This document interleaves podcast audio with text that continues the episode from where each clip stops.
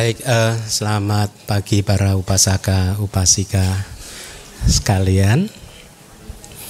uh, semoga Anda semua dalam keadaan baik, sehat. Eh, silakan.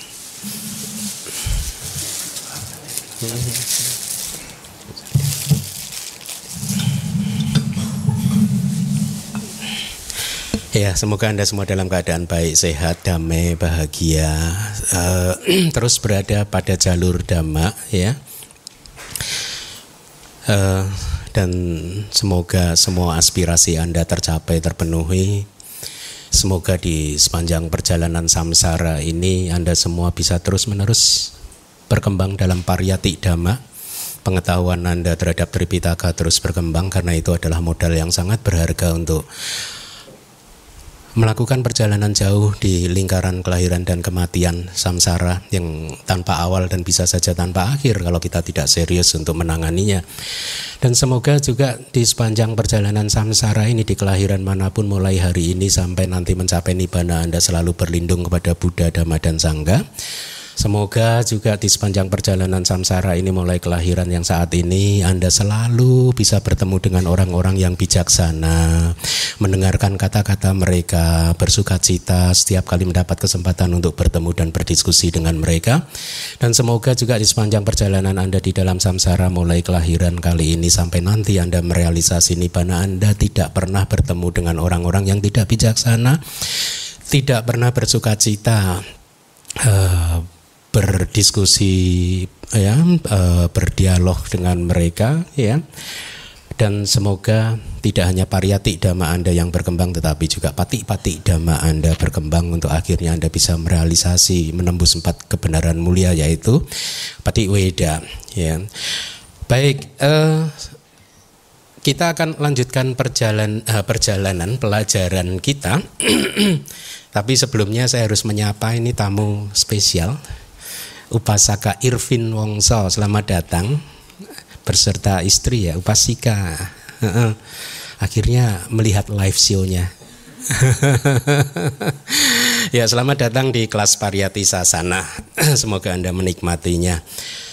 Uh, eh, PIC siapa saya ingin Anda sekali lagi membaca uh, jangan bosan untuk membaca apa, uh, meluangkan waktu untuk memahami suta. Karena memang ini dari Majjhima Nikaya jadi agak panjang tapi Meskipun mungkin Anda sudah mendengarkannya selama dua kali di dua minggu kemarin, saya selalu berkeyakinan bahwa mendengarkan suta itu adalah kebajikan yang kalau Anda benar-benar mendengarkannya dengan penuh sadar, sati, perhatian penuh, meta, karuna dan lain sebagainya tinggi, maka akan berbuah besar. Jadi alangkah baiknya kalau kita baca ulang lagi ya sutanya ya. Silahkan. Demikianlah yang telah saya dengar pada suatu waktu Begawan tinggal di antara para saka di Kapilawatu, Taman Nigroda. Kemudian Maha Pajapati Gotami membawa sepasang kain yang masih baru dan mendekat ke tempat di mana Begawan berada. Setelah mendekat, memberikan hormat kepada Begawan, dia duduk di satu sisi.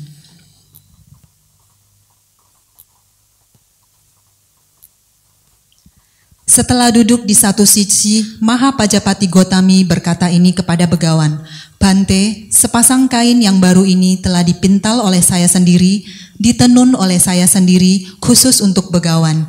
Yang mulia, sudilah Begawan menerima persembahanku ini demi belas kasih. Ketika hal ini dikatakan, Begawan berkata kepadanya, persembahkanlah kepada Sangga Gotami. Jika engkau mempersembahkannya kepada sangga, maka baik aku maupun sangga telah dihormati. Untuk kedua dan ketiga kalinya ia berkata kepada begawan, Yang mulia, menerima ini demi belas kasih. Untuk kedua dan ketiga kalinya begawan berkata kepadanya, Persembahkanlah kepada Sangga Gotami. Jika engkau mempersembahkannya kepada Sangga, maka baik aku maupun Sangga telah dihormati. Kemudian Yang Mulia Ananda berkata kepada Begawan, Yang Mulia, sudilah Begawan menerima sepasang jubah baru ini dari Maha Pajapati Gotami. Maha Pajapati Gotami telah sangat berjasa kepada Begawan, Yang Mulia. Sebagai adik ibunya, ia adalah perawatnya, ibu tirinya, seorang yang menyusuinya. Ia menyusui begawan ketika ibunya meninggal dunia. Begawan, begawan juga telah sangat berjasa bagi Mahapajapati Gotami yang mulia. Adalah berkat begawan Maha, maka Mahapajapati Gotami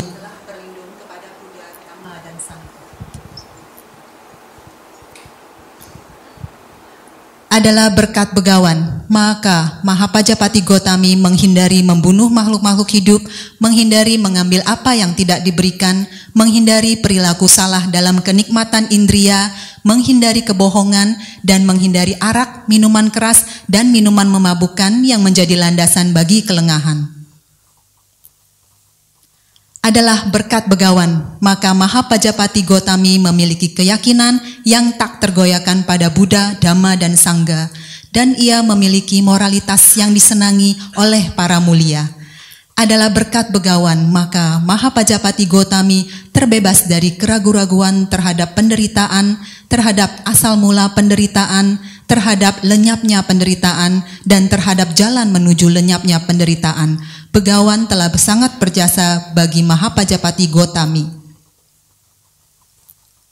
Demikianlah Ananda, demikianlah. Ketika seseorang yang berkat orang lain telah berlindung pada Buddha, Dhamma, dan Sangga, aku katakan adalah tidak mudah bagi orang pertama itu membalas orang kedua dengan cara memberikan penghormatan, bangkit untuknya, memberikan salam penghormatan dan pelayanan sopan, dan dengan memberikan jubah, makanan, tempat tinggal, dan obat-obatan. Ketika seseorang berkat orang lain telah menghindari membunuh makhluk-makhluk hidup, menghindari mengambil apa yang tidak diberikan, menghindari perilaku salah dalam kenikmatan indria, menghindari kebohongan, dan menghindari arak, minuman keras, dan minuman memabukkan yang menjadi landasan bagi kelengahan, Aku katakan adalah tidak mudah bagi orang pertama itu membalas orang kedua dengan cara memberikan penghormatan dan obat-obatan. Ketika seseorang berkat orang lain terbebas dari keraguan-raguan terhadap penderitaan, terhadap asal mula penderitaan, terhadap lenyapnya penderitaan, dan terhadap jalan menuju lenyapnya penderitaan, Aku katakan adalah tidak mudah bagi orang pertama itu membalas orang kedua dengan cara memberikan penghormatan dan obat-obatan. Ketika seseorang berkat orang lain memiliki keyakinan yang tak tergoyahkan pada Buddha, Dhamma, dan Sangga, dan memiliki moralitas yang disenangi oleh para mulia, aku katakan adalah tidak mudah bagi orang pertama itu membalas orang kedua dengan cara memberikan penghormatan dan obat-obatan. Terdapat 14 jenis persembahan pribadi Ananda.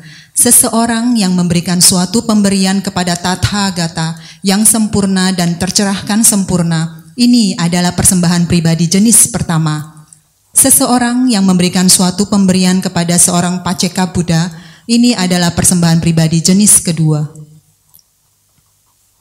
Seseorang yang memberikan suatu pemberian kepada seorang arahat siswa Tathagata, ini adalah persembahan pribadi jenis ketiga. Seseorang yang memberikan suatu pemberian kepada seseorang yang telah memasuki jalan untuk mencapai buah kearahatan, ini adalah persembahan pribadi jenis keempat. Seseorang yang memberikan suatu pemberian kepada seorang yang tidak kembali lagi, ini adalah persembahan pribadi jenis kelima. Seseorang yang memberikan suatu pemberian kepada seorang yang telah memasuki jalan untuk mencapai buah yang tidak kembali lagi, ini adalah persembahan pribadi jenis keenam. Seseorang yang memberikan suatu pemberian kepada seorang yang kembali sekali lagi, ini adalah persembahan pribadi jenis ketujuh. Seseorang yang memberikan suatu pemberian kepada seorang yang telah memasuki jalan untuk mencapai buah yang kembali sekali lagi, ini adalah persembahan pribadi jenis kedelapan. Seseorang yang memberikan suatu pemberian kepada seorang pengarung arus, ini adalah persembahan pribadi jenis kesembilan. Seseorang yang memberikan suatu pemberian kepada seorang yang telah memasuki jalan untuk mencapai buah pengarungan arus, ini adalah persembahan pribadi jenis ke-10. Seseorang memberikan suatu pemberian kepada seseorang di luar sasana, yang bebas dari nafsu akan kenikmatan indria, ini adalah persembahan pribadi jenis ke-11. Seseorang memberikan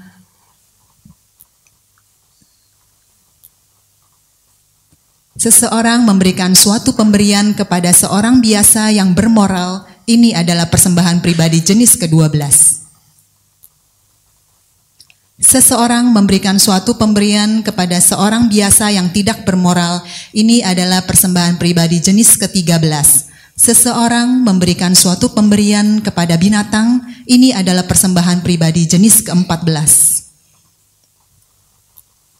Dalam hal ini Ananda, dengan memberikan suatu pemberian kepada seekor binatang, maka persembahan itu diharapkan akan menghasilkan balasan seratus kali lipat.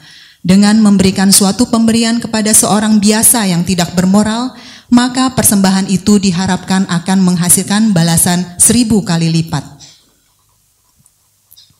Dengan memberikan suatu pemberian kepada seorang biasa yang bermoral, maka persembahan itu diharapkan akan menghasilkan balasan seratus ribu kali lipat dengan memberikan suatu pemberian kepada seseorang di luar sasana yang bebas dari nafsu akan kenikmatan indria, maka persembahan itu diharapkan akan menghasilkan balasan seratus ribu kali seratus ribu kali lipat.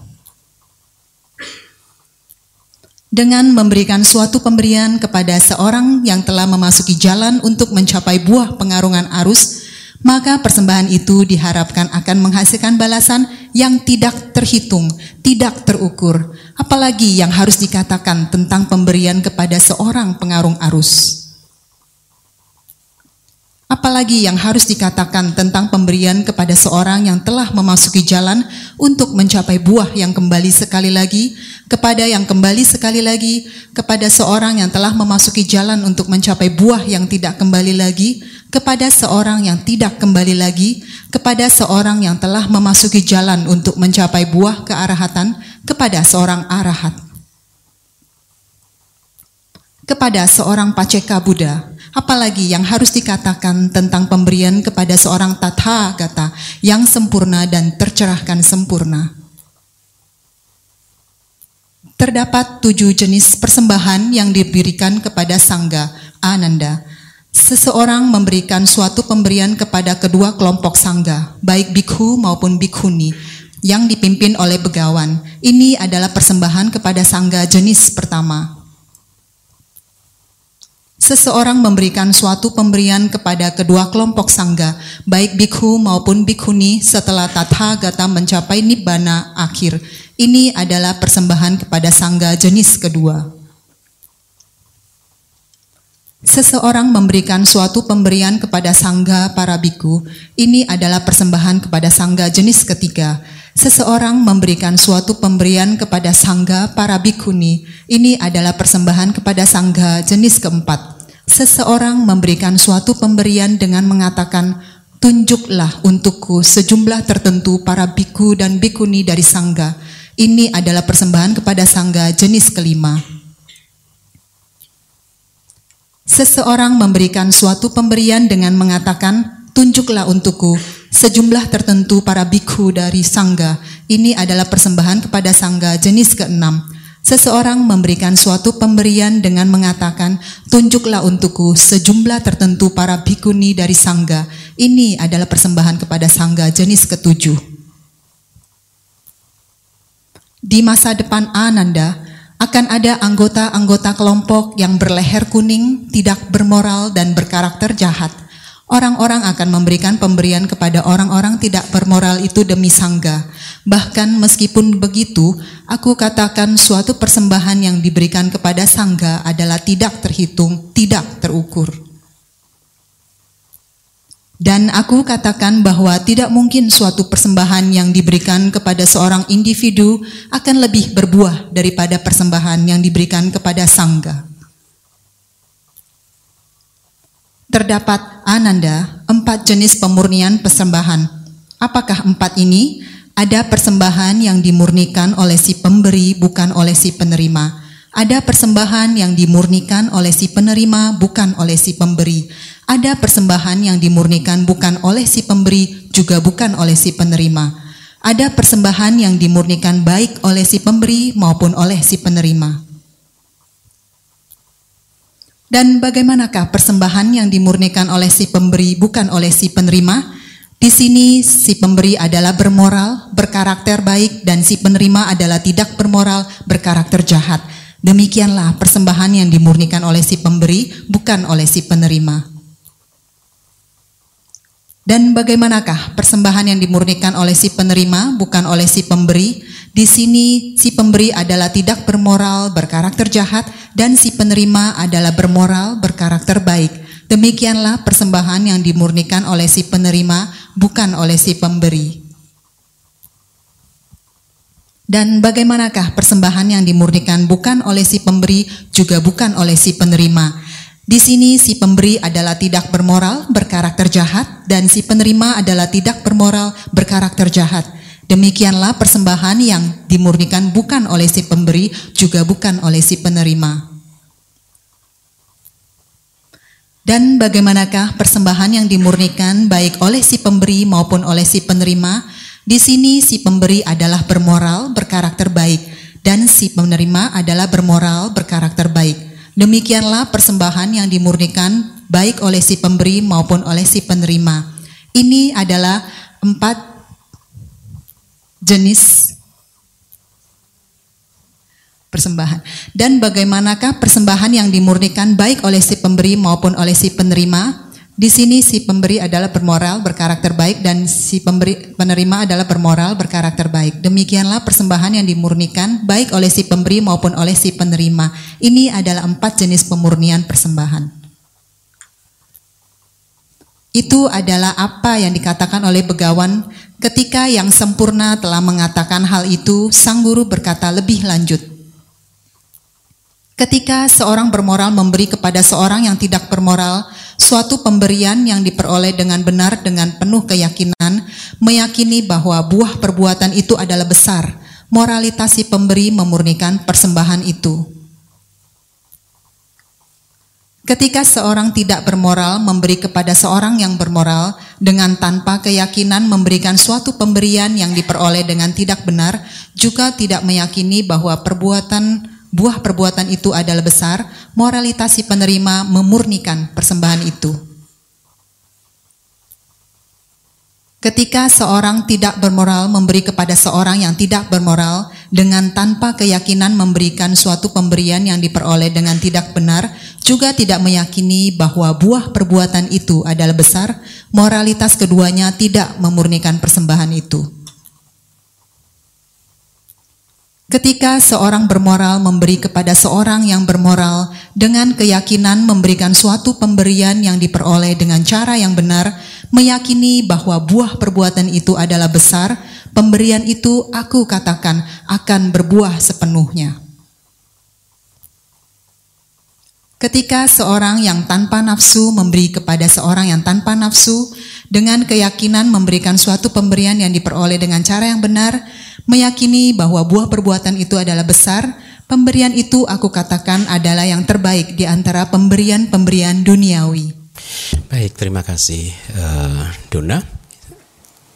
Itu tadi sutanya seperti biasa kalau kita tidak membaca kitab komentar dan kitab sub komentarnya lalu bagaimana kita menginterpretasikan suta ya jadi tidak hanya berlaku pada suta-suta ini tapi juga semua keseluruhan Tripitaka kita memerlukan penjelasan dari kitab komentar dan kitab sub komentar. Nah, saya akan ulangi sedikit satu slide yang minggu lalu juga sudah saya sampaikan. kita ulang sebentar ya. Jadi ada kalimat tadi di dalam sut taknya dalam hal ini Ananda dengan memberikan suatu pemberian kepada seekor binatang maka persembahan itu diharapkan akan menghasilkan balasan 100 kali e, lipat kira-kira begitu kan ya. Jadi lihatlah di dalam analisis e, tentang persembahan kita diajarkan oleh Buddha untuk e, apa memahami ibaratnya ladang tempat Anda bercocok tanam, itu setiap ladang mempunyai tingkatan kesuburannya masing-masing, ya. Seperti yang sudah saya sampaikan di kelas yang pertama, saya sih menyampaikan suta ini tujuan saya tidak supaya semata-mata Anda kemudian pilih-pilih siapa yang menerima persembahan Anda, tetapi sebaliknya lebih pada memberikan pengetahuan, memberikan kebijaksanaan kepada Anda bahwa di dalam kehidupan ini ada hukum-hukum yang berlaku. Kalau api itu panas, air ya, es itu dingin, ada hukum gravitasi dan lain sebagainya, di dalam persembahan juga ada hukum yang berlaku sehingga sangat bagus buat Anda untuk bisa memahaminya karena memang pada hakikatnya pencerahan itu hanya terjadi pada saat kita semua sudah memahami hukum-hukum yang bekerja di dalam alam semesta ini. Kalau diringkas hukum-hukum yang bekerja bekerja di dalam nama dan rupa ya. Jadi itu tujuan saya.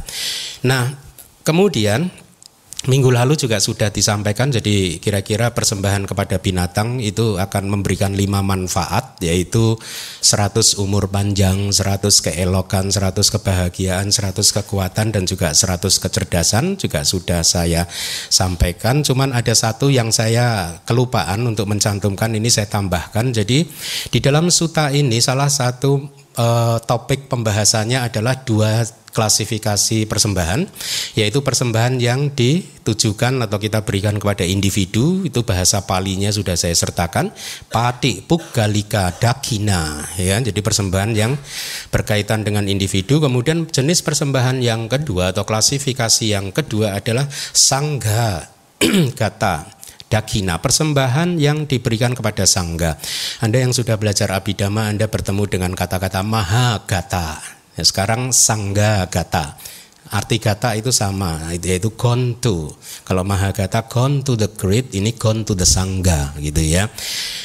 Itu dua jenis uh, persembahan yang menjadi salah uh, satu materi dari suta ini ya.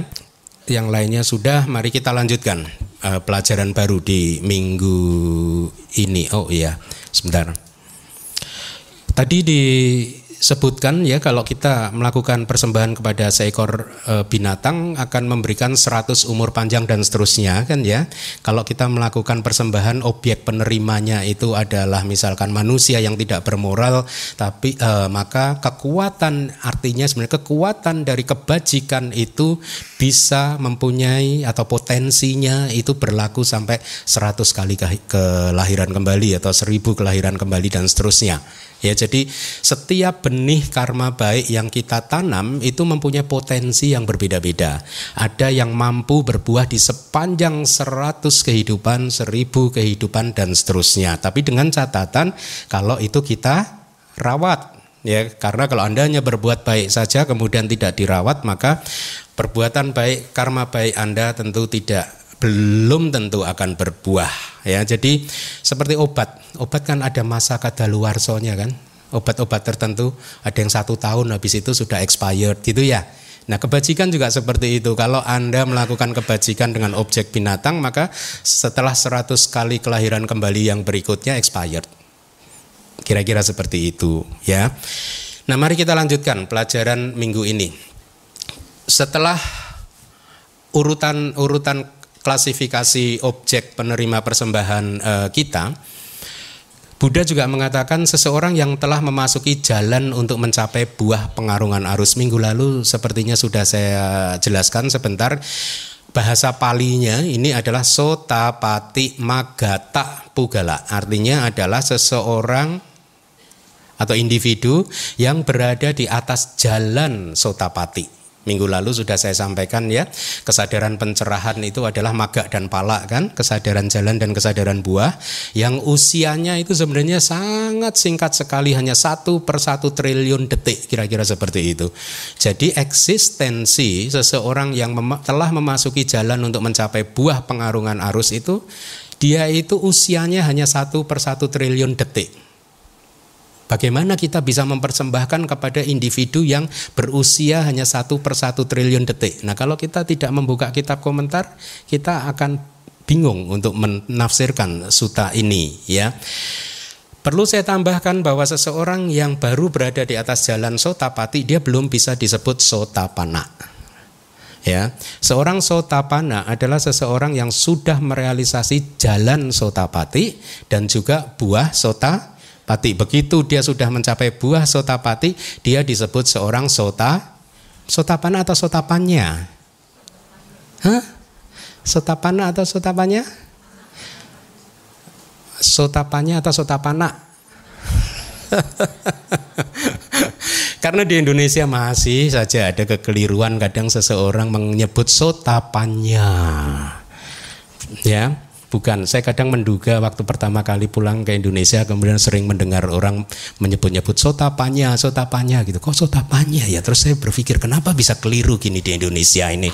Nah, kemudian saya baru setelah mencermati oh mungkin karena di Indonesia mungkin dugaan saya masih belum ada disiplin untuk menulis kata-kata Pali dengan tanda baca yang benar. Ya, misalkan, nah misalkan nama Bante uh, Panyawaro misalkan, biasanya ditulisnya bagaimana? Tanpa gelombang di atas n itu kan, tanpa kan? Sehingga kadang juga ada orang membaca Bante Panawaro. Ada ya? Padahal harusnya Bante Panyawaro ya. Tapi karena tanpa gelombang tadi jadi orang membacanya plainly Panawaro gitu. Padahal enggak, Bante Panyawaro gitu. Nah, mungkin berangkat dari situ ditulis Bante Panawaro, dibacanya Bante Panyawaro. Berarti Sotapana dibacanya Sota Manya. Karena itu tadi kurang disiplin untuk menerapkan tanda baca di dalam uh, bahasa Pali. Jadi kalau kalau kalau teringat tentang cerita ini saya teringat pada masa dulu waktu masih sekolah. Ini maaf maaf beribu-ribu maaf bukan apa-apa. Bukan untuk mendiskreditkan siapa pun ya. Dulu waktu saya masih sekolah itu ada salah satu kawan saya yang maaf cadel. Cadel ya. Kalau ada yang di sini cadel jangan kecil hati karena cadel itu menawan hati. Ya. Jadi ada kawan sekolah saya itu cadel. Saya ini sekolahnya di SMA itu yang rata-rata isinya laki-laki. Perempuan tuh minoritas, satu mungkin hanya ada lima atau berapa, jadi barang langka. Kuliah juga begitu, isinya laki-laki. Ya jadi kita biasa kalau sesama laki-laki kalau kumpul kan ledek-ledekan kan.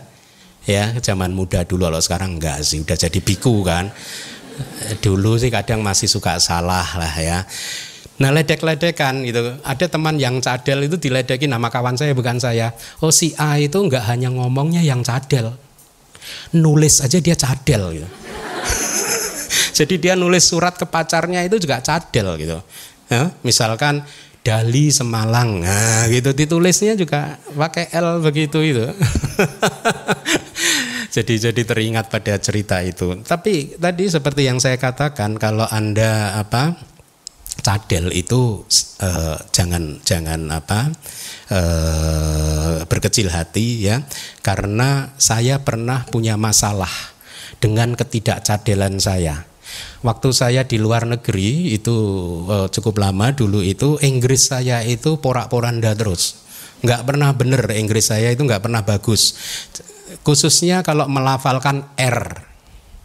Ya misalkan right, oh, ketahuan kan? Ya enggak? Huh? Remove, nah, R-nya itu ketahuan gitu.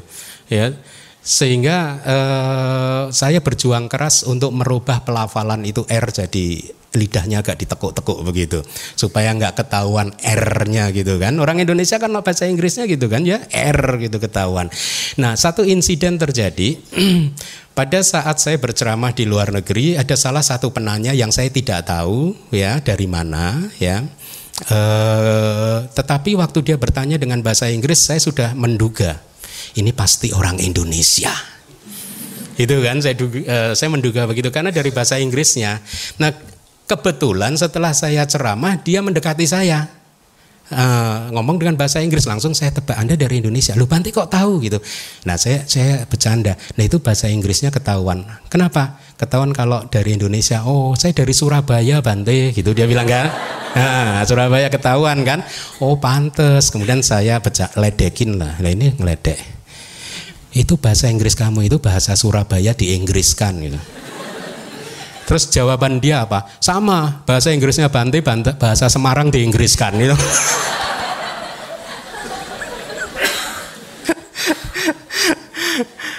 Ada lagi cerita waktu tinggal di Singapura begitu uh, umat-umat Singapura pada malah pada suka dengan bahasa Inggris yang R-nya itu nyata gitu karena dianggap wah suaranya seksi kayak orang Spanyol. Ya. Jadi kembali lagi itu masalah persepsi ya kita kita lanjutkan lagi. Nah uh, kembali ke laptop. Seseorang yang telah memasuki jalan untuk mencapai buah artinya ini belum lengkap menjadi sotapana. Usianya hanya satu per satu triliun saja detik ya. Anda lihat tuh kata-kata penjelasan dari kitab komentar bukan dari saya. Mereka ini adalah titik bawah upasaka yang mencapai tik sarana. Jadi sesungguhnya kalau kita berbicara tentang umat tik sarana, ya itu sebenarnya merujuk kepada titik bawahnya itu ya sotapati magata pugala Artinya apa? Sejak dia menjadi seorang sotapati magata pugala dan sesaat kemudian dia akan menjadi sotapana penuh, keyakinan dia berlindung kepada tiksar, tiksarana itu kokoh, tidak akan goyah. Selama kita masih putu jana, keyakinan kita terhadap tiksarana masih mudah goyah. Jadi lihat di kitab komentar ada penjelasan, inilah titik bawah upasaka yang mencapai tiksarana. Anda tahu upasaka? Hmm, saya tadi di awal menyebut upasaka gitu kan? apa itu? Umat laki-laki ingat ya, di sini nggak tertulis upasika ya. Jadi anda yang upasika nggak termasuk? Termasuk ya karena e, begitulah pola dari kitab-kitab kita yang upasaka dianggap sebagai pemimpinnya, jadi upasikanya ikut, kira-kira begitu ya. Nah, kemudian Uh, ya tapi di Indonesia ada upacara-upacara wisudi, umat sarana dan lain sebagainya.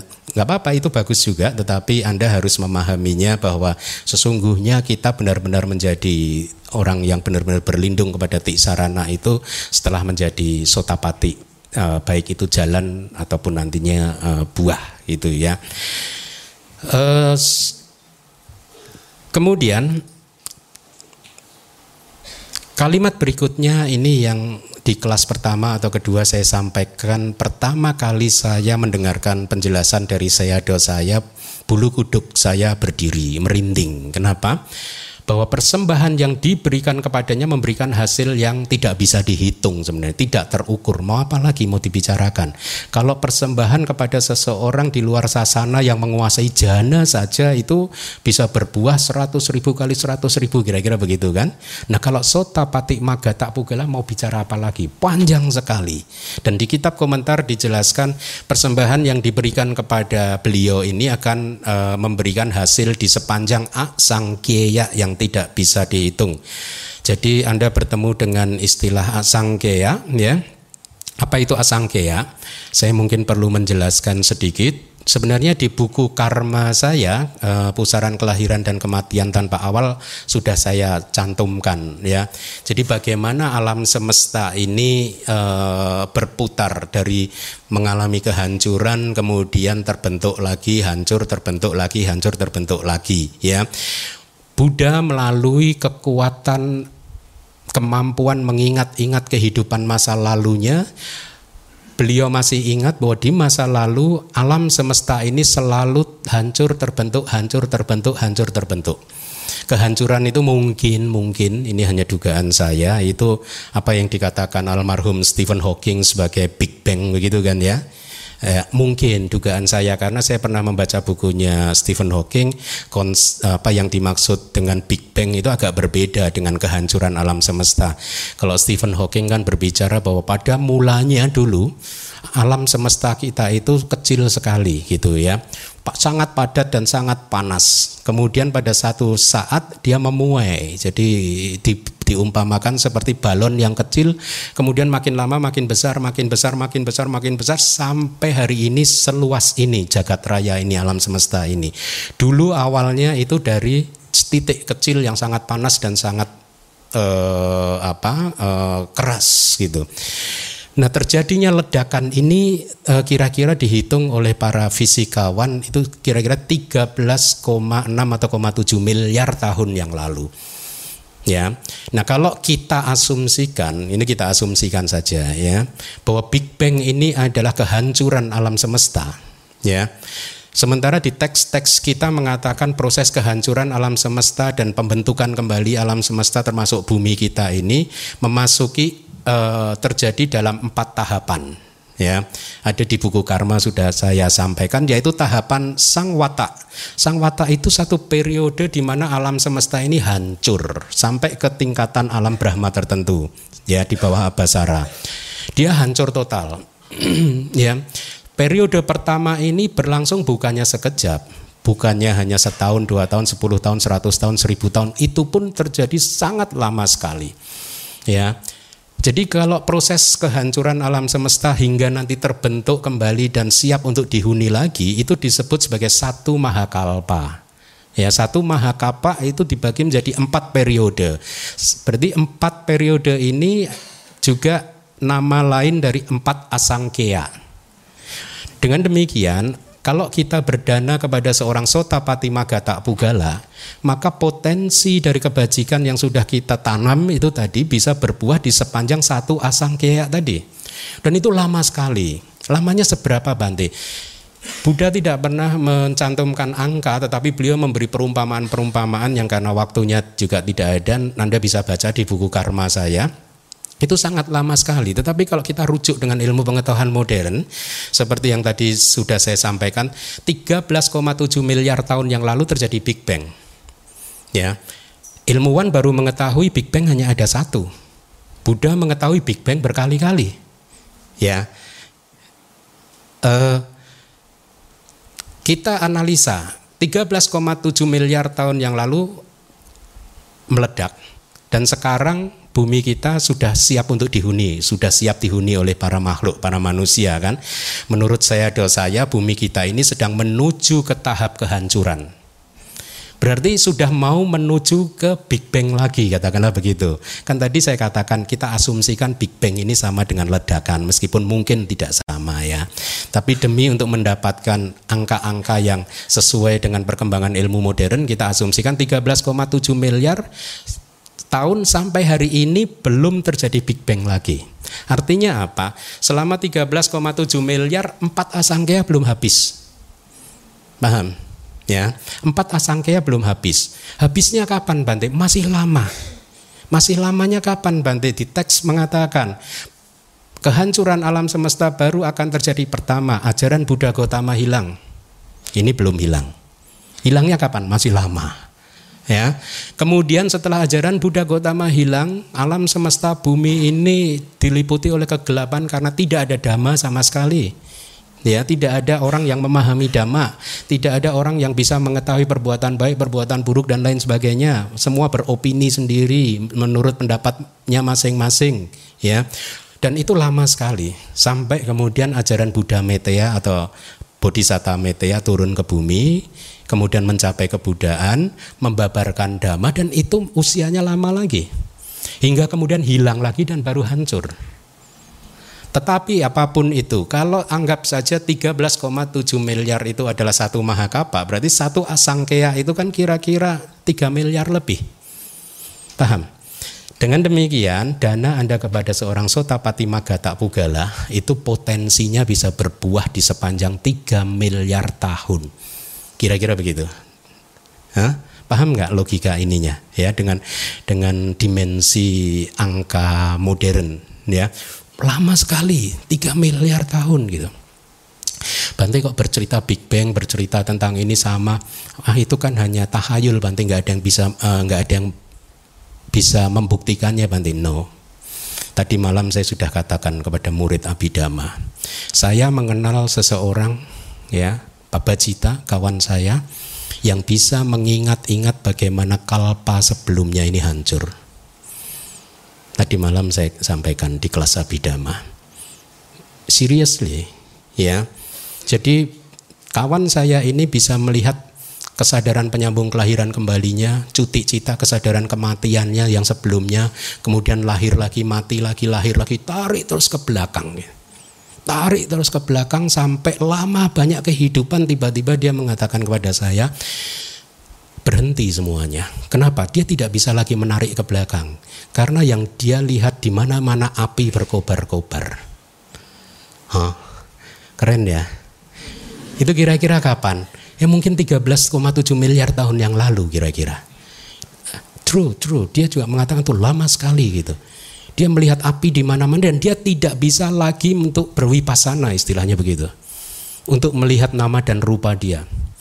Sampai lama dia tidak bisa karena kayak terhalang oleh api gitu. Mungkin karena ada ada kalau saya menduga ya pada saat melihat api itu pada waktu itu beliau masih bukan manus masih makhluk biasa. Mungkin ada semacam ketakutan begitu. Atau ada semacam uh, trauma. Sehingga memori dia berhenti di sana ya tetapi dia tahu persis itu alam hancur dan dia bisa mengatakan setelah itu dia lahir di Brahma keren ya Kan saya tanya, setelah itu kamu di mana? Di alam Brahma. Ah, terus ya lama sekali, terus kemudian turun lagi. Apa yang pertama kali dilihat setelah turun? Pertama kali dia melihat waktu keluar dari alam Brahma adalah bumi ini masih baru terbentuk oleh Patawi. Keren ya? True story, true story. Saya menyampaikan ini untuk membangkitkan sada Anda bahwa di zaman sekarang banyak yang bisa mengingat-ingat kehidupan lamponya hingga ke titik Big Bang tadi itu. Hmm? Ya, nah, eh, pada saat berada di sana kemudian Oh, dia menceritakannya begini. Pada waktu dia melihat api, semua kemudian berhenti, tidak bisa dianalisa lagi nama dan rupanya, dan tiba-tiba dia hanya ingat bahwa dia sudah lahir di alam Brahma, ya. E, kemudian untuk jangka waktu yang lama e, kembali, kemudian tiba-tiba dia medit, meditasi, dia berada dalam titik kehampaan, tidak ada apa-apa kata dia gitu kan, hening, tidak ada apa-apa, ya. Sampai kemudian tiba-tiba proses kognitifnya muncul lagi muncul lagi. Mulai ada proses nama dan rupa lagi dan dia melihat bumi ini mulai terbentuk. Ya, jadi ini true story, ini true story. Ya, e, oleh karena itulah sebenarnya tujuan saya menyampaikan hal seperti ini seperti tadi malam saya sampaikan kepada murid-murid Abidama adalah Anda kita saat ini sudah lahir dengan sangat bagus. Sebagai manusia ketahuilah ada tugas yang penting. Nomor satu harus diprioritaskan dan ada yang tugas yang hanya prioritas yang berikutnya berikutnya yang prioritas yang pertama adalah mengumpulkan modal untuk keluar dari samsara. Itu prioritas ya. Nah kembali lagi uh, jadi perbedaannya kalau kita bicara Big Bang lagi antara Stephen Hawking dan Buddhis, Buddha meyakini bahwa Big Bang ya meskipun ini mungkin tidak identik tapi kita anggap saja ya. Ter, Big Bang terjadi berkali-kali karena alam semesta ini awalnya sudah tidak bisa diketahui lagi hancur terbentuk, hancur terbentuk, hancur terbentuk demikian terus dan sampai kapan pun ya. Saya tambahkan lagi alam semesta yang kali ini hancur nanti itu juga setelah ajaran Buddha lenyap itu matahari kedua mendekat ke bumi. Matahari ketiga mendekat ke bumi sampai tujuh matahari dekat dengan bumi dan bumi panas meledak. Mirip ya dengan temuan-temuan ilmuwan-ilmuwan tersebut ya. Nah sekarang ilmuwan juga sudah mengetahui kan di alam semesta ini ada banyak matahari toh. Ya, tidak hanya satu matahari di tata surya kita ini kan ya ada banyak. Nah perbedaannya adalah kalau Stephen Hawking dan kawan-kawan mengatakan bahwa 13,7 miliar tahun yang lalu sampai hanya kira-kira puluhan ribu tahun yang lalu alam semesta ini kosong. Tidak ada makhluk. Buddha mengatakan no, ada makhluk. Anda bayangkan kalau misalkan tetangga Anda mengatakan manusia pertama diciptakan 20 ribu tahun yang lalu masuk akal nggak? Lah sementara bumi alam semesta ini sudah ada 13,7 miliar tahun. Jadi bayangkan 13,6 sekian-sekian miliar tahun itu alam semesta kosong. Hanya fenomena materi saja yang ada, tidak ada makhluk sama sekali. Sepertinya agak aneh. Ya, dan e, praktisi Buddhis sudah banyak yang bisa melihat seperti yang tadi saya katakan. Jadi tidak fenomena materi saja, tetapi juga ada fenomena batin, makhluk yang hidup sejak miliaran tahun yang lalu. Oleh karena itulah, kalau Anda sering mendengarkan ceramah-ceramah saya, saya selalu mengatakan bahwa kita ini sudah hidup untuk bermiliar-miliar tahun. Mau sampai kapan kita akan begini terus? Kita harus segera bertekad untuk meniti karir supaya bisa secepat mungkin e, keluar dari samsara. Nah, jadi eh, asangke ya itu kira-kira sepanjang itu, selama itu. Jadi dana yang Anda berikan kepada seorang sotapati magata pugala ya, dia akan mempunyai kekuatan yang sedemikian hebatnya. Expirednya itu setelah 3 miliar kira-kira minimal ya.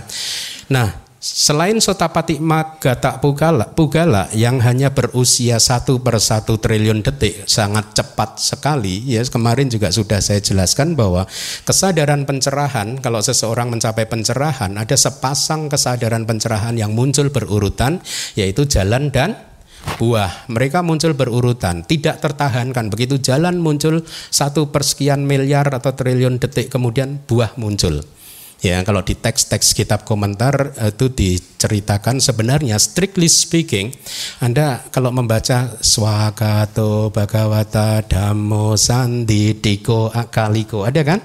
Ya. Sanditiko Dhamma itu terlihat jelas saat ini di depan mata kita, kemudian Akaliko tanpa jeda. Dhamma itu efeknya tanpa jeda. Jadi sebenarnya strictly speaking akaliko, kualitas dhamma yang akaliko itu merujuk pada hubungan maga dan juga pala, jalan dan juga buah karena kemunculannya benar-benar tanpa jeda ya. Nah, eh, di tiga atau kitab sub komentar, jadi kita sekarang saya harap Anda bisa membedakan bahwa setiap individu atau makhluk Arya suci itu dibedakan sebagai individu jalan dan individu buah, ya. Nah, di kitab subkomentar dijelaskan bahwa uh, setiap maga samangginang, jadi setiap mereka yang memiliki jalan, ya, uh, menjadi batasan berkaitan dengan tugas menanggalkan kilesa, pemurniannya, pengembangan jalan mulia berunsur delapan yang belum lengkap dan selesai. Itu merujuk kepada individu yang sedang berada di atas jalan ya. Jadi dia tugasnya belum lengkap dan belum selesai. Tugas tersebut lengkap dan selesai pada palak samangginang mereka yang sudah memiliki buah ya. Jadi seperti halnya ladang, kesuburan dari buah dari persembahan yang kita lakukan itu dianalisis meningkat dari tingkat yang lebih rendah menuju ke tingkat yang lebih tinggi gitu. Di kitab sub komentar juga ada kalimat tatahi uparimanang dina dan nasamaha palatawuta. Jadi dikatakan eh, sehubungan dengan hal tersebut kira-kira begitu dikatakan bahwa persembahan dina dan nasa persembahan yang diberikan kepada mereka dengan tingkat yang lebih tinggi berbuah besar. Ya, jadi anda sudah mendengar kalimat ini berulang kali di kelas-kelas terdahulu, tetapi selalu saja saya sampaikan demi eh, meningkatnya sada Anda bahwa hukum yang berlaku seperti itu. Semakin objek persembahan Anda itu kualitas hatinya itu semakin bersih, maka buahnya akan semakin besar, semakin manis. Eh, ibaratnya buah mangga itu yang super sudah nggak KW lagi. Ya, jadi perhitungannya seperti itu. Anda ingin kebajikan Anda berbuah besar? Ingin? Ingin nggak? Maka teruskan, teruslah mendengarkan baik-baik apa yang ada di kitab komentar dan subkomentar ya. Mari kita lanjutkan. Untuk seseorang yang kokoh di dalam Pancasila, darinya menghasilkan buah besar yang unggul ya. Buah yang lebih unggul dari itu berturut-turut. Jadi ini kitab komentar sedang menganalisis memecah-mecah lagi bahwa kalau Anda mempersembahkan seseorang yang Pancasilanya bagus kokoh ya jarang dilanggar ya. Karena kalau tidak pernah dilanggar berarti dia udah sotapana gitu ya. Ini kokoh lah ya kokoh.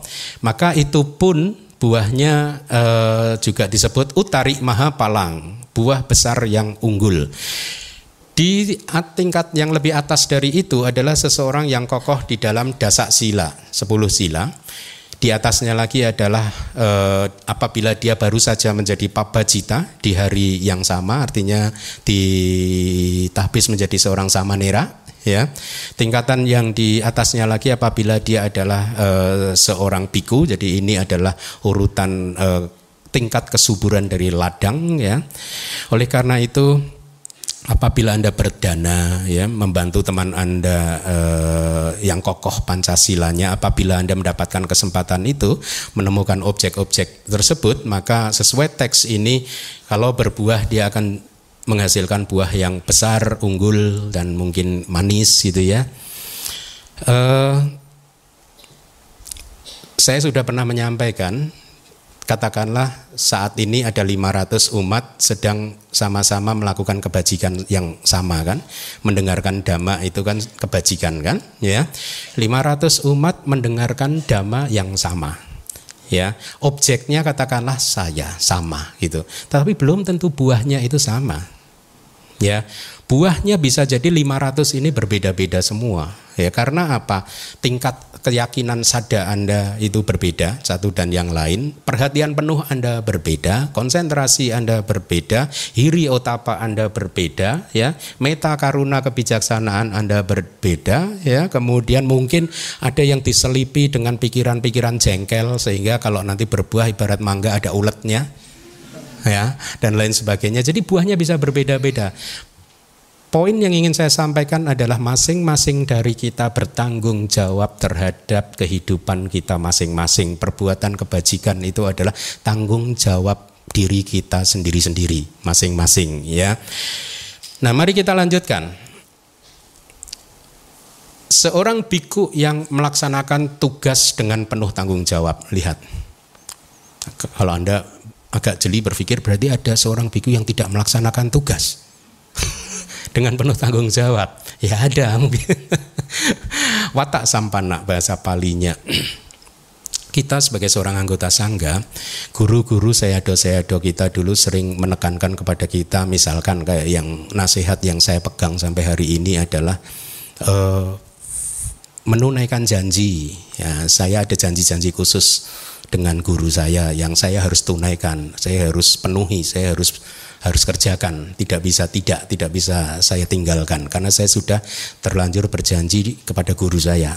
Satu itu, kedua menjadi seorang yang dutiful, yang disiplin penuh tanggung jawab melakukan tugas dan kewajibannya. Itu sangat penting ya. Anda kita semua sebagai seorang uh, manusia jadilah seseorang yang dutiful yang bertanggung jawab ya disiplin melakukan tugas kewajiban apa pun itu dengan baik gitu ya.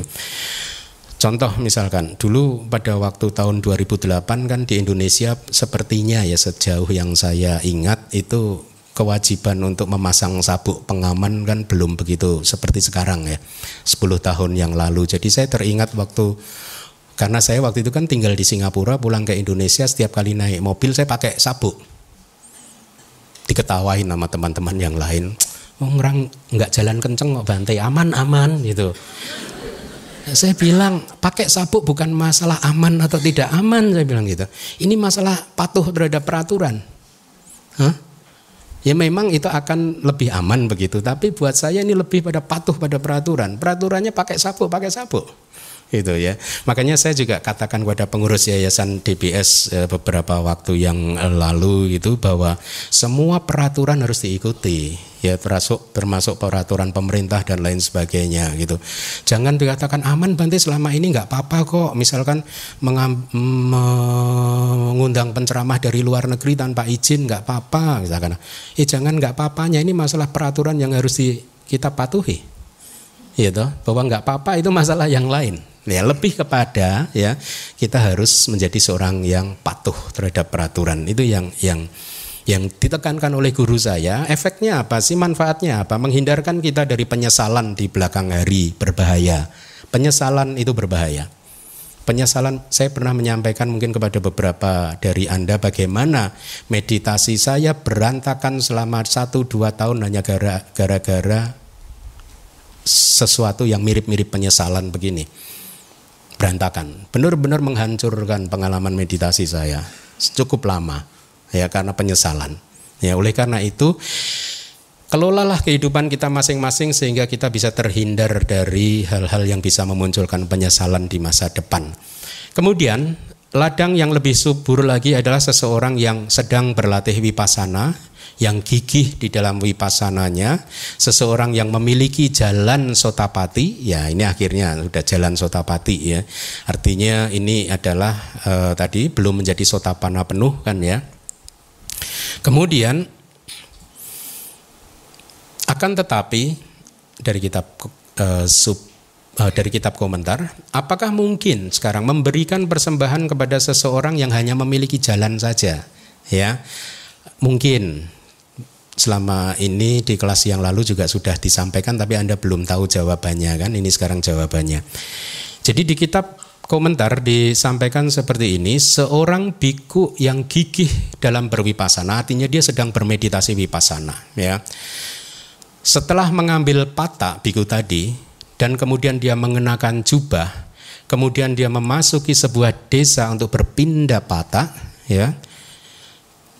Pada saat dia berpindah patah memasuki desa, seorang umat perumah tangga berdiri di pintu rumahnya, kemudian melihat biku tersebut, berhenti di depan rumah, dia mengambil patak dari bikunya, eh, dari tangan biku tersebut, kemudian memasukkan makanan ringan dan makanan pokok ya. Pada saat memasukkan makanan ringan dan makanan pokok itu tadi, terjadilah kebangkitan jalan dari biku tadi. Artinya apa? Pada saat umat sedang memasukkan makanan ke pataknya, ya, biku tadi berwipasana, mengamati nama dan rupa, terus berwipasana, gitu. Begitu makanan mengenai patak, kesadaran jalan muncul bersamaan jadi pada saat dia memasukkan makanan ke patak, pada saat itu pula lah kesadaran jalan sotapati muncul. Itulah penjelasan untuk mereka yang melakukan persembahan kepada seorang sotapati magata pugala yang usianya sangat singkat tadi satu per satu triliun detik terjadinya bersamaan ya. Atau contoh yang lain seorang biku duduk di ruang meditasi uh, dan seseorang kemudian memasukkan makanan ringan dan makanan pokok ke dalam pataknya, pada saat itu terjadi kebangkitan jalan biku tersebut. Jadi seorang biku bermeditasi di depannya ada patak, kemudian anda berdana memasukkannya ke makanan kepada uh, dengan tujuan kepada biku tadi. Pada saat anda masukkan, sotapati jalannya muncul, ya. Di kelas terdahulu ada kan uh, siapa? bikuni siapa yang uh, khotbah tentang bangkai bikuni sedang bermeditasi kemudian ada perampok pencuri penjagal sapi habis menjagal binatang dari satu desa dia uh, waktu masuk ke hutan melihat bikuni siapa ya namanya ya dia sedang bermeditasi kemudian dia sisihkan daging sapinya kepada bikuni tadi. Upalawana ya upalawana. Upalawana hanya panjang yang terakhir. Ya sama. Jadi kalau anda di nanti di Myanmar, di Thailand melihat biku sedang bermeditasi di depannya ada patah, berdana lah, nggak apa-apa. Kalau dia kelihatan, wah ini jangan-jangan dia sedang berada di dalam jana kan, atau sedang, hah? Hah? Lah ya, eh, atau pala sama pati atau niroda sama pati, wah gitu kan masukkan. Tapi ingat jangan di atas jam 12 nggak proper time. nah kan bahasa R-nya ketahuan kan proper. ya jadi begitu. Ada lagi contoh, ada seorang biku duduk di ruang meditasi sedang bermeditasi vipassana. Kemudian para upasaka setelah mengambil patak beliau ya diambil dibawa ke rumah ya. Kemudian sampai sampai di rumah bikunya ada di hall sedang bermeditasi. Sesampainya di rumah makanan dimasukkan dengan niat akan didanakan kepada yang bersangkutan, biku tersebut. Dan singkat cerita pada saat makanan pokok jatuh ke patah, pada saat itu terjadilah kebangkitan jalan dari biku yang ada di hall. Jaraknya jauh, nggak apa-apa ya, karena kan niatnya ditujukan kepada biku yang sedang bermeditasi. Persembahan yang diberikan kepada Sotapati Magata Pugala, yaitu yang sedang berada di atas jalan, belum mencapai buah, belum menjadi seorang sotapana penuh, ya, mempunyai kekuatan memberikan hasil yang tidak terhitung di kitab komentar diberi juga perumpamaan seperti jumlah air di samudra raya. Tidak terhitung, tidak terukur kan? ya atau seperti tidak terhitungnya jumlah debu di maha patawi bumi jumlah debu di seluruh bumi ini ya demikianlah perumpamaan-perumpamaan yang ada di kitab komentar kita kemudian kita masuk ke jenis persembahan yang berbeda, bukan patik bugalika dagina atau persembahan yang ditujukan kepada individu, tetapi sangga gata dagina, persembah, persembahan yang diberikan kepada sangga. Ada tujuh, kalau yang tadi empat belas, berbeda kan ya. Yang pertama adalah seseorang memberikan dana kepada dua sangga yang dipimpin oleh Buddha. Ya, berarti ini pada zaman Buddha dulu. Ya, Kemudian seseorang berdana kepada dua sangga ketika Buddha telah mencapai parinibbana. Berarti zaman sekarang nih kita paling tinggi kita bisa dapat nomor dua ini. Ya. Kemudian ketiga kita hanya berdana kepada biku sangga ya. Uh, seperti yang anda ketahui uraian ini diberikan oleh Buddha pada saat Gotami bermaksud untuk berdana jubah kan ya kepada sangga kemudian Buddha kan menjawab berikan kepada sangga Gotami. Pada saat kamu memberikan kepada sangga maka dua sebenarnya penerimanya sangga itu sendiri dan Buddha. Buddha itu termasuk sangga atau bukan? Bukan Anda sudah pinter sekarang ya di suta ini jadi disampaikan analisis persembahan kepada uh, sangga ya tapi di kitab lain ini agak keluar dari kitab ini, dari suta uh, ini ada di kitab komentar yang lain. Kebetulan waktu saya research saya ketemu. Selama ini kan kita selalu berpikir persembahan kepada Buddha, persembahan kepada sangga. Persembahan kepada dhamma bisa enggak? Hah? Bagaimana? Bagaimana persembahan kepada dhamma? Buddha kita tahu, kepada sangga kita tahu, kepada dhamma nggak ada yang tahu. Ya, ternyata, huh? nggak. Begini, di seperti tetangga sebelah saya akan sebutkan di cerita Jataka nomor 496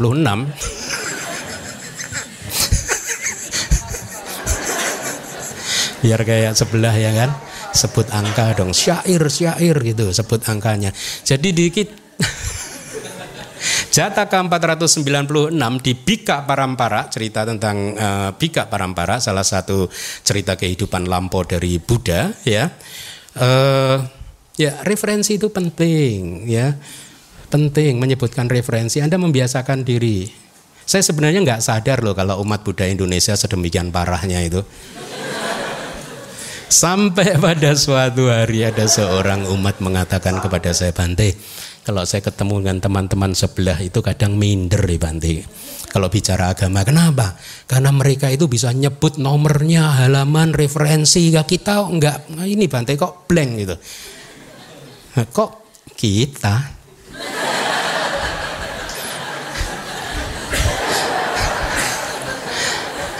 Lu aja kali. Enak aja kita. nah maka saya berikan sekarang. Bika Parampara cerita Jataka ya. Uh, ya karena di Indonesia kadang juga gini. Saya pernah menyampaikan kepada tim propagasi DBS. Kenapa kalau saya membuat buku saya cantumkan nomor referensinya. Kalau Anda perhatikan buku-buku saya, ada nomor referensinya. Tujuan saya ada beberapa. Satu, mempermudah saya apabila di belakang hari ada yang komplain sehingga saya bisa melacak kembali.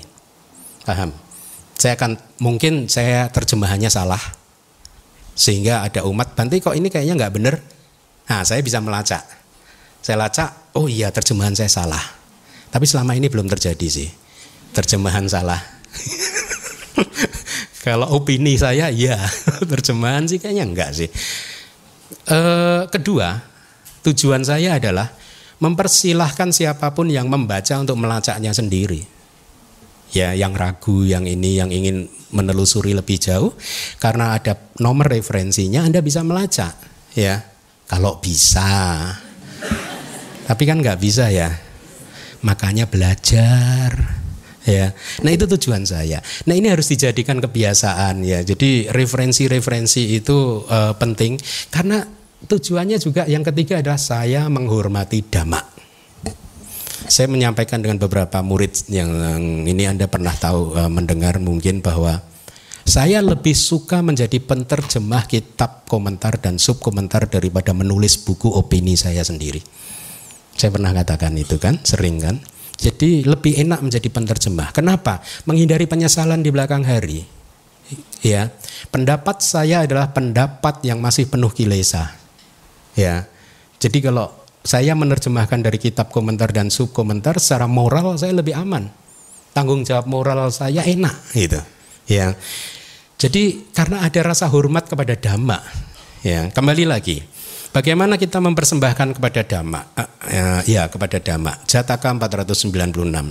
Jadi pada waktu itu Buddha sedang tinggal di Sawati, ya saya rangkumkan ada aja ceritanya. Pada suatu hari ada seorang umat yang penuh keyakinan bernama Kutumbika. Kutumbika itu sebenarnya seorang tuan tanah begitu. Ya. Jadi ini terjadi di salah satu kehidupan lampau e, Buddha Gotama. Kutumbika merenungkan apa yang telah dilakukan dia selama ini bahwa dia sering memberikan persembahan makanan pokok kepada Buddha Ratana pada Buddha dan juga dia sering melakukan persembahan kepada Sanggaratana ya tapi dia belum pernah berdana kepada Dhamma Ratana Ya, bagaimana ini caranya dia supaya bisa berdana kepada Dhamma Ratana? Kemudian dia bertanya kepada Buddha, Buddha saya sudah sering berdana kepada Buddha dan Sangga, tetapi saya ingin berdana kepada Dhamma. Apakah bisa? Jadi penerimanya adalah Dhamma. Ya, Buddha kemudian menyarankan uh, untuk berdana makanan. Uh, bentar, ini terjadi di kehidupan Hmm, Anda cek nanti, bukan kehidupan lampau berarti, ya. Tapi ada di Jataka, nanti dicek. Bika Parampara 496, ya. Kemudian Buddha Gotama menyarankan eh, kepada Kutumbika untuk berdana makanan, jubah dan lain-lain kepada para biku siapa pun tapi dengan maksud dan niat untuk menghormati dhamma yang telah mereka praktekkan. Itu saran dari Buddha Gotama ya. Umatnya bertanya lagi, kira-kira siapa ya Bante yang cocok gitu. Gitu. Kemudian Buddha menjawab persembahkan kepada Ananda. Ya, karena beliau adalah seorang dhamma bandagarika kan Eh, semacam bendahara dhamma, menghafal semua dhamma ya yang diajarkan Buddha. Jadi itu yang dianjurkan oleh Buddha Gotama. Lalu umat tersebut mempersiapkan persembahan bunga yang beraneka macam, makanan dan kain yang cukup untuk tik ciwara. Ciwara itu tiga jubah, ya tiga lembar kain untuk jubah. Dan kemudian mempersembahkannya kepada Ananda dengan niat di hati bahwa dia akan ingin mempersembahkan itu semua kepada Dhamma yang telah dipraktekkan oleh Ananda. Jadi tidak ditujukan kepada Ananda, tapi kepada Dhamma yang telah dipraktekkan oleh Ananda. Setelah menerima persembahan tersebut, Ananda yang Arya Ananda kemudian berpikir bahwa dana ini sebenarnya lebih pantas kalau diberikan kepada yang Arya Sariputa karena beliau adalah agak sawaka sebagai Dama Senapati kan. Dama Senapati jenderalnya Dama gitu. Kayak pemimpin perangnya istilahnya gitu. Kalau bahasa Jawa ada masih dipakai Senopati gitu, ada ya. Itu semacam pemimpin pasukan gitu. Ya, jadi yang Arya Sariputa itu pemimpin pasukan Dhamma, tapi dalam artian positif, Dhamma Senapati. Kemudian yang Arya Ananda mempersembahkan itu kepada yang Arya Sariputa. Ya, karena merasa beliau lebih terhormat dan lebih pantas untuk menerima persembahan uh, tersebut. Sah-sah saja, sah-sah saja. Ananda menerima dari umat, beliau yang diterima beliau persembahkan kepada yang Arya Sariputa sah-sah saja. Saya juga selalu begitu. Tadi juga ada umat dana bunga kepada saya. Setelah itu saya persembahkan kepada Buddha Rupang. Nah, sah-sah saja, nggak apa-apa. Nah, yang Arya Sariputa setelah menerima persembahan dari yang Arya Ananda kemudian berpikir, kan ada yang pantas, lebih pantas dari saya kan. Akhirnya beliau persembahkan kepada Buddha Gotama. Ya, Kemudian di teks tersebut dikatakan setelah menerima persembahan dari yang Arya Sariputa, Buddha kemudian melihat tidak ada lagi makhluk di muka bumi ini baik dewa maupun manusia yang lebih tinggi dari beliau. Kemudian dia memakan makanan tadi tersebut dan menerima persembahan kain jubah. Di dalam cerita ini umat Kutumbika tadi adalah dayakanya. Ya. Kemudian bunga makanan dan kain jubah adalah objek yang didanakan dhamma yang telah direalisasi oleh Ananda adalah objeknya dia. Ya atau dhamma yang sudah direalisasi oleh Sariputta dan juga akhirnya Buddha. Itu adalah objek yang menerima persembahan mereka. Uh, Kutumbika. Walaupun di dalam analisis persembahan kepada dhamma tidak diberikan di suta ini uh, apa suta yang sedang kita pelajari, tapi bukan berarti hal ini tidak baik ya. Apabila apalagi kalau kita menyadari nilai penting dari eksistensi dhamma ya. Kita ini membutuhkan dhamma supaya bisa bertahan lama. Karena dari dhamma kita bisa mengerti jalan mencapai nibbana kalau dhamma Tripitaka kitab komentar kitab subkomentar sudah nggak eksis lagi sudah tidak ada lagi guru yang menghafalnya sudah tidak ada lagi guru yang bisa membabarkan sesuai kitab komentar dan subkomentar maka jalan mencapai nibbana bisa saja tertutup ya karena jalurnya pariyatinya tidak ada ya Supaya apa? Eh, kita perlu melakukan itu berharap supaya damak bisa bertahan lama. Doa kita kan cirang titati sadamo gitu kan ya. Semoga sat damak, sat damak itu the true damak. Ada dhamma yang enggak true tapi ada ini yang the true dhamma. Cirang titatu damo. Semoga the true dhamma langgeng, bertahan lama. Ya. Dan uh, bukan dhamma yang non, uh, seolah-olah sudo dhamma gitu ya. Dhamma yang benar itu bagaimana sih? Dhamma yang membuat kita bisa merealisasi nibbida, jijik terhadap nama dan rupa. Eh, nama rupa menjijikkan ya. Dhamma yang bisa memunculkan wiraga, keadaan tanpa nafsu terhadap nama dan rupa. Dhamma yang bisa membuat kita merealisasi nibbana dan seterusnya itu dhamma yang dianggap sat dhamma ya. Nah, eh, atau mungkin Anda bertanya bagaimana definisi dhamma yang benar? Ya, saya akan sampaikan dari kitab komentar yang lain. Jadi di dalam kitab komentar itu disebutkan kalau kita berbicara tentang ajaran Buddha, kemudian di kitab itu disebutkan ada tiga aspek dari ajaran Buddha, ya, yaitu aspek pertama adalah pariyati, aspek kedua adalah pati-pati, aspek ketiga adalah pati weda. Apa itu masing-masing dari aspek tersebut? Definisi yang diberikan kitab komentar adalah tini pitakani. Yang disebut pariyati adalah tripitaka, ti pitaka. Dijelaskan lagi di kitab subkomentar yang disebut pariyati adalah pemahaman penguasaan tripitaka. Ya. Kemudian apa itu pati-pati? Pati-pati pati pada. Yang disebut pati-pati adalah praktek meditasi. Ya. Kemudian aspek yang ketiga pati wedo di pati weda di saca pati wedo. Yang disebut pati weda adalah penembusan empat kebenaran mulia. Inilah tiga aspek dari sasana, tiga aspek dari ajaran Buddha. Pariyati, teori, pati-pati, praktek, pati weda, realisasi. Nah, berbicara tentang eksistensi sasana, mana yang lebih penting? Pariyati, pati-pati, atau pati weda? Kitab subkomentar memberikan data kepada kita bahwa sejak 2600 tahun yang lalu di Sri Lanka sejarahnya sampai hari ini sampai kitab komentar tersebut ditulis di masa lalu ada saja tiga aspek dari Buddhism ini eksis di masa lalu ya ada pariyati, ada biku yang menguasai Tripitaka, ada biku yang berlatih dan ada Arya eksis. Tetapi di satu masa-masa tertentu yang ada hanyalah pariyati dan pati-pati. Tidak ada orang yang bisa menembus empat kebenaran mulia.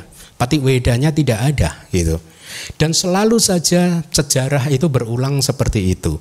Ya, kadang ada di satu masa yang ada hanya pariyati saja tidak ada pati-pati bikunya malas meditasi ya kemudian karena tidak bermeditasi lalu tidak merealisasi empat kebenaran mulia Sehingga disimpulkan di kitab komentar tadi, di sepanjang sejarah perkembangan ajaran Buddha sejak 2500 tahun yang lalu sampai kitab komentar itu ditulis, apa pun kondisinya yang selalu eksis adalah pariyati.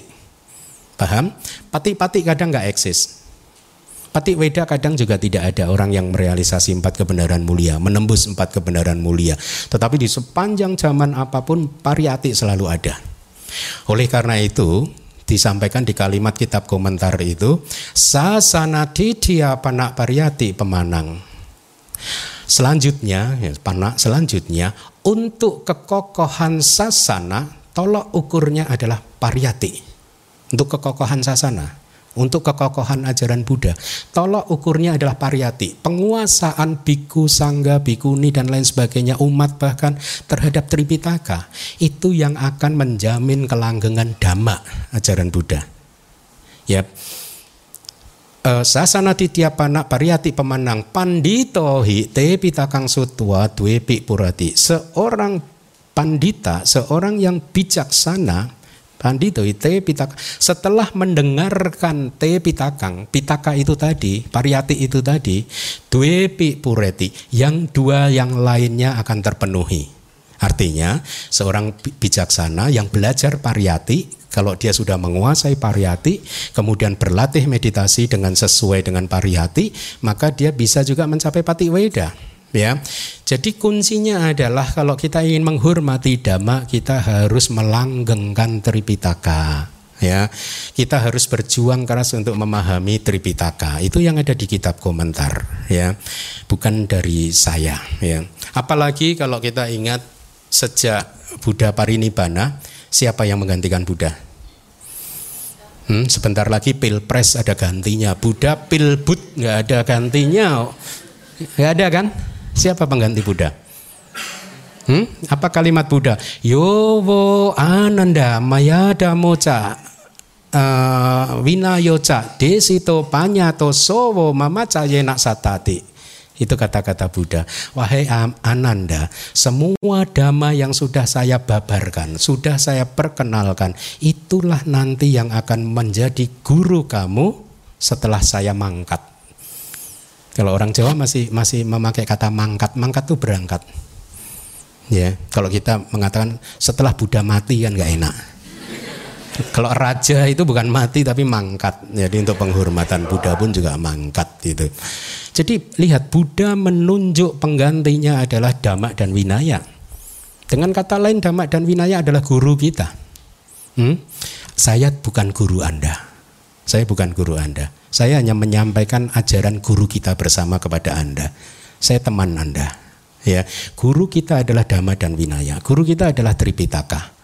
Ya, oleh karena itu menjadi satu hal yang wajar kalau kemudian kita harus berjuang untuk menguasai, mengenal guru kita secara dekat, memahami ajaran yang uh, ada di kitab suci kita. Ya, uh, saya rasa karena waktunya ya kita cukupkan ya, tidak terasa ya. Ya, cukup sampai di sini dulu. Semoga apa yang disampaikan bermanfaat. Ya, semoga Anda semua, kita semua bisa segera merealisasi maga palak nibana secepat mungkin keluar dari samsara.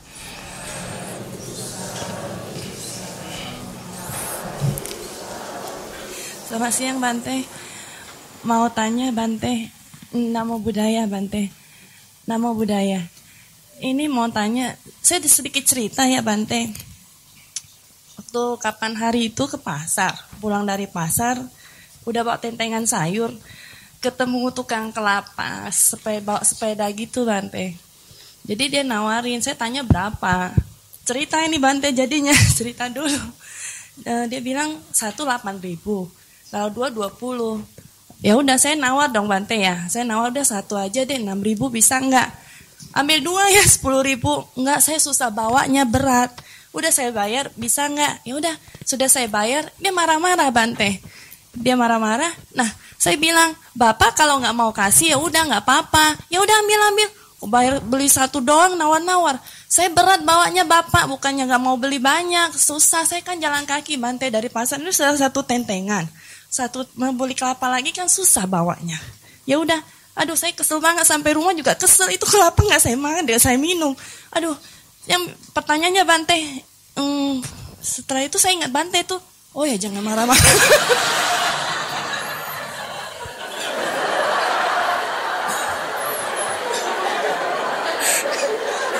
Bante ngomongin bukan bantenya. Bante ngomongin bukan bantenya. Masalahnya Bante kalau kita marah secara apa respect gitu emang ada karmanya juga Bante. Maksudnya, marah apa? Kalau marah kesel respect oh. karena dia yang bikin masalah dulu gitu dia yang bikin kita kesel gitu loh Bante. Jadi apa ya? Uh, ada ininya. Tapi setelah itu kan sadar sih Bante, oh ya jangan marah-marah. Emang gitu nggak boleh Bante, secara respect gitu loh. Kan soal prinsip Bante. uh, sama satu lagi Bante, hmm, kalau kasih persembahan ke Bante kan, hmm, kalau yang atas nama-nama, atas nama orang tua saya saya jauh Bante. Tapi saya maksudnya pakai um, dari orang tua saya juga gitu persembahannya buat Bante sama Buddha gitu. E, gimana ya caranya Bante? Ya kan dia jauh tapi maksud saya atas nama dia juga gitu. Hmm, terima kasih Bante. Baik, terima kasih atas ceritanya. Ini saya mau cerita juga.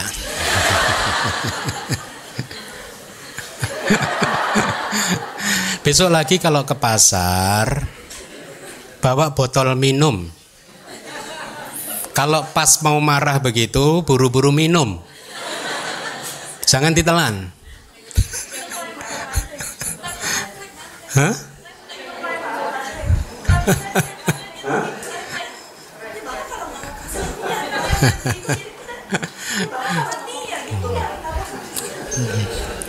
Anda kan udah belajar khotbah tentang bangke. Itu tadi bangke bukan? Saya beritahu ya, saya beritahu. Kemarahan tidak pernah menjadi masalah antar orang. Kejengkelan, kebencian itu bukan masalah antar pribadi. Kemarahan, kejengkelan, kebencian itu adalah murni masalah internal kita.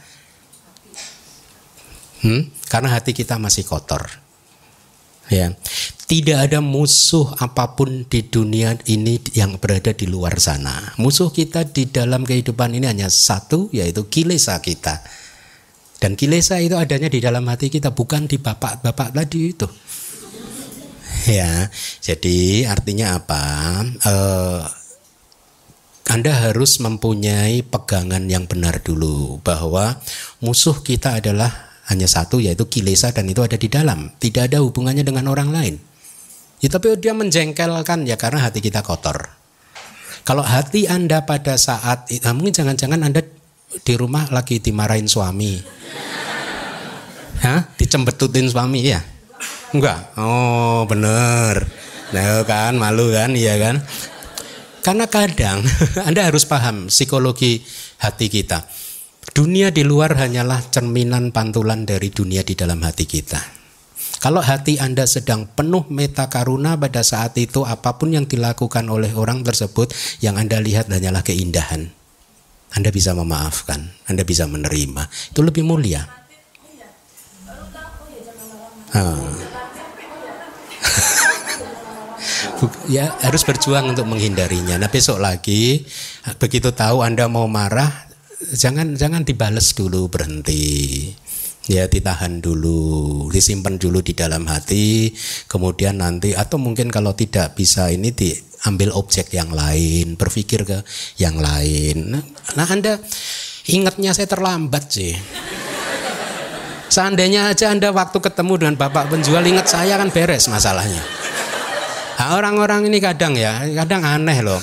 Saya pernah pernah kan minggu-minggu jalan turun dari bawah keluar, kebetulan ada umat nggak tahu umatnya ada di sini nggak, anaknya lagi rewel, nangis gitu dua anaknya saya ingat loh, anak dua nangis nangis kan, mungkin si orang tuanya udah berusaha untuk membuat dia diam tidak berhasil, tiba-tiba saya turun, nasib saya kan, apa yang di Apa yang dikatakan si mamah tadi? Banti datang lu, Banti datang. Langsung diem. Aduh, itu saya ternyata efektif untuk begitu-begitu ya. Itu true story, true story. Dia ada di depan situ. Bante itu, Bante datang tuh langsung diem kok dua anaknya kok. Nah, poinnya adalah itu orang tua kadang mendidik anak itu lihat wajar saja anak-anak Indonesia jarang yang mau jadi biku. Karena sejak kecil Anda sudah mendidik secara keliru. Anda mempersepsikan Bante kepada anak-anak Anda adalah objek yang harus ditakuti, menyeramkan ini itu ini itu. Jadi nggak fun jadi biku itu buat anak-anak kan, nggak menarik kan, ya nggak. Makanya pada nggak mau jadi biku.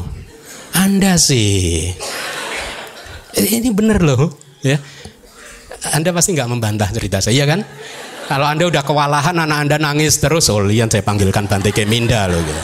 Nah ini kan kayak kayak cerita. Ini beberapa kali masih aja terjadi. Bante papa saya koma. Ah, masih aja terjadi gitu. Mirip-mirip yang mungkin dia tahu kan. Saya saya kan nggak ahli baca parita kan. Ya?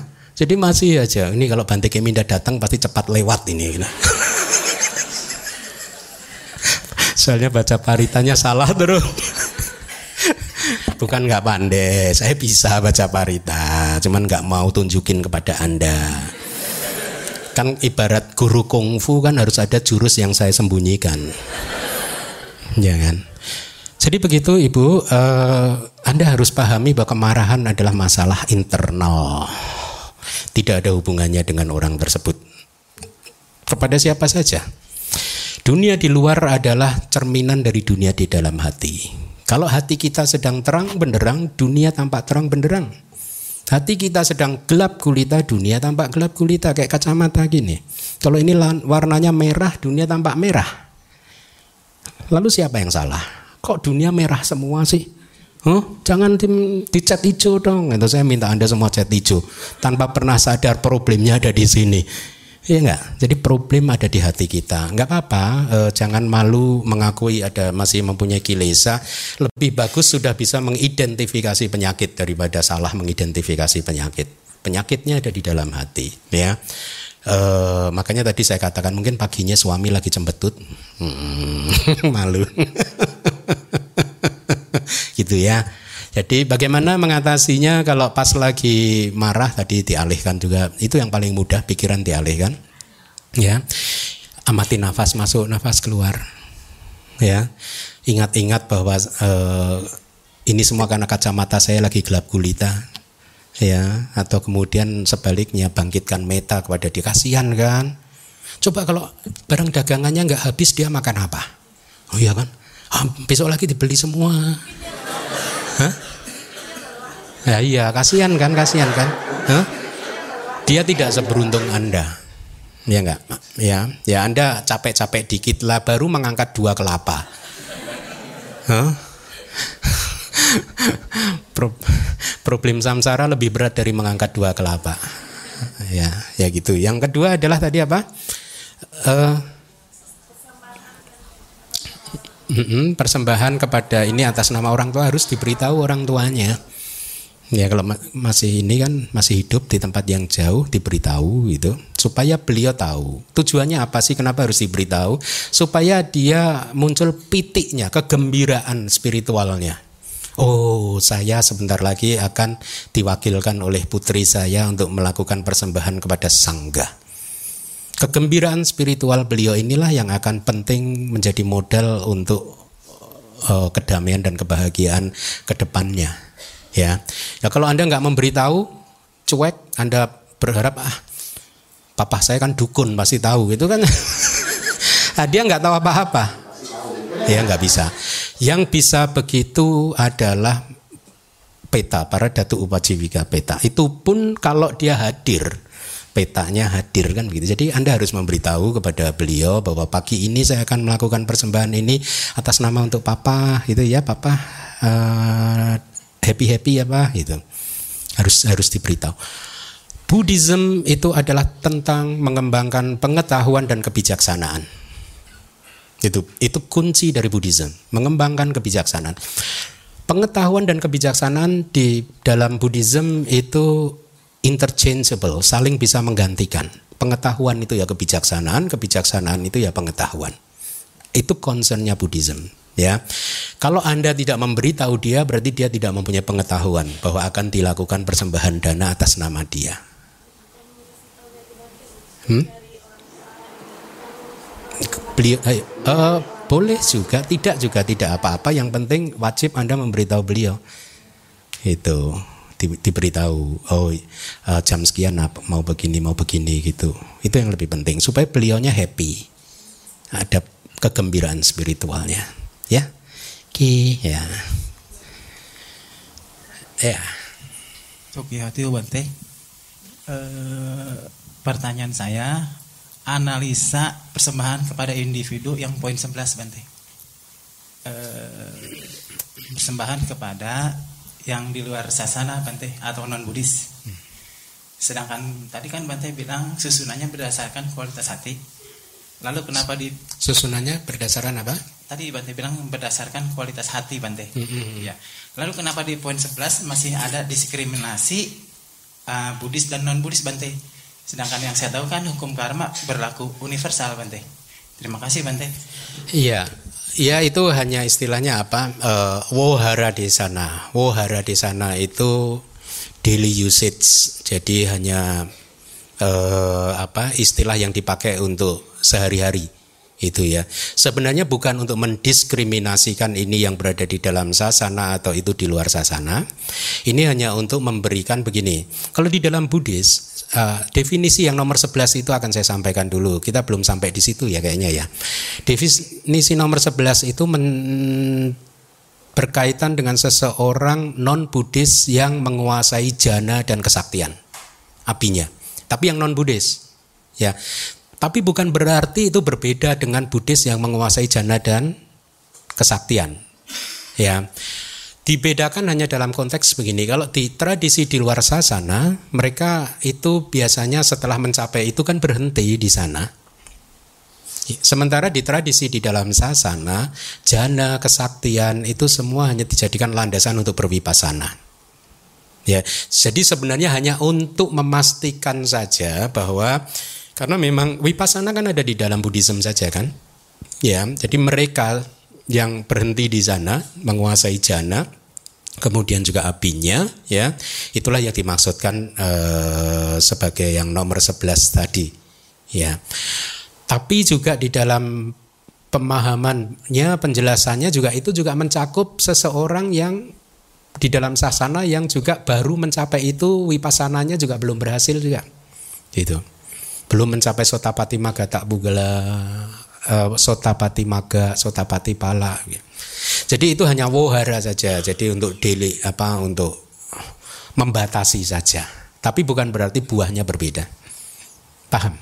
Ya karena kalau yang tradisi lain setelah bermeditasi mencapai jana itu dianggap sudah selesai manunggal dengan penguasa alam. Dengan atman katakanlah begitu selesai di sana. Tapi Buddhis kan enggak. Jana hanya dijadikan fondasi untuk berwipasana. Paham ya? Ya, oke. Okay.